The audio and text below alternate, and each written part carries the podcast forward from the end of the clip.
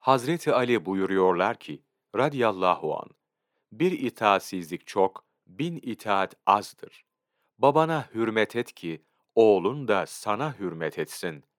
Kişinin arkadaşı, aklının kılavuzudur. İyi kişilerin çoğalması, Allahu Teala'nın merhametidir. İçin süslü olması, dışın süsünden hayırlıdır. Dünyalıklarla sevinmek, aldanmaktır. Bedenin sağlığı, oruç tutmaktır.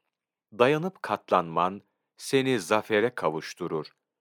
Allahu Teala'dan başkasından bir şey bekleyen kişinin emeği boşadır. Kalbin nurlanması helal yemektendir.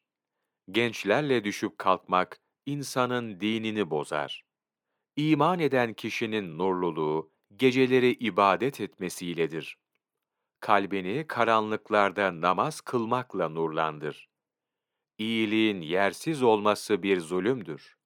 Seni görmezden gelen kimseyi gör, gözet. Arada söz taşıyan kişi bir anda bir aylık fitne koparır. Allah kelamı Kur'an kalbin ilacıdır. Nimeti anlamamak onu yok eder. Sözü çok olan kişinin noksanı çok olur. Tatlı subaşı kalabalık olur.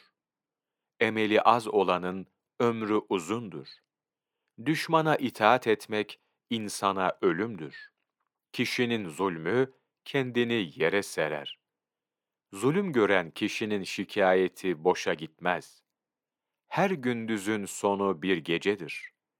Hak olan bir muameleye kızmak çirkinliktir.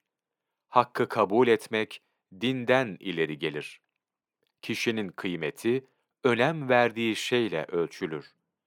Abdullah Atıf Tüzüner, Siretün Nebi sallallahu aleyhi ve sellem, sayfa 314, 317, 7 Eylül Mevlana takvimi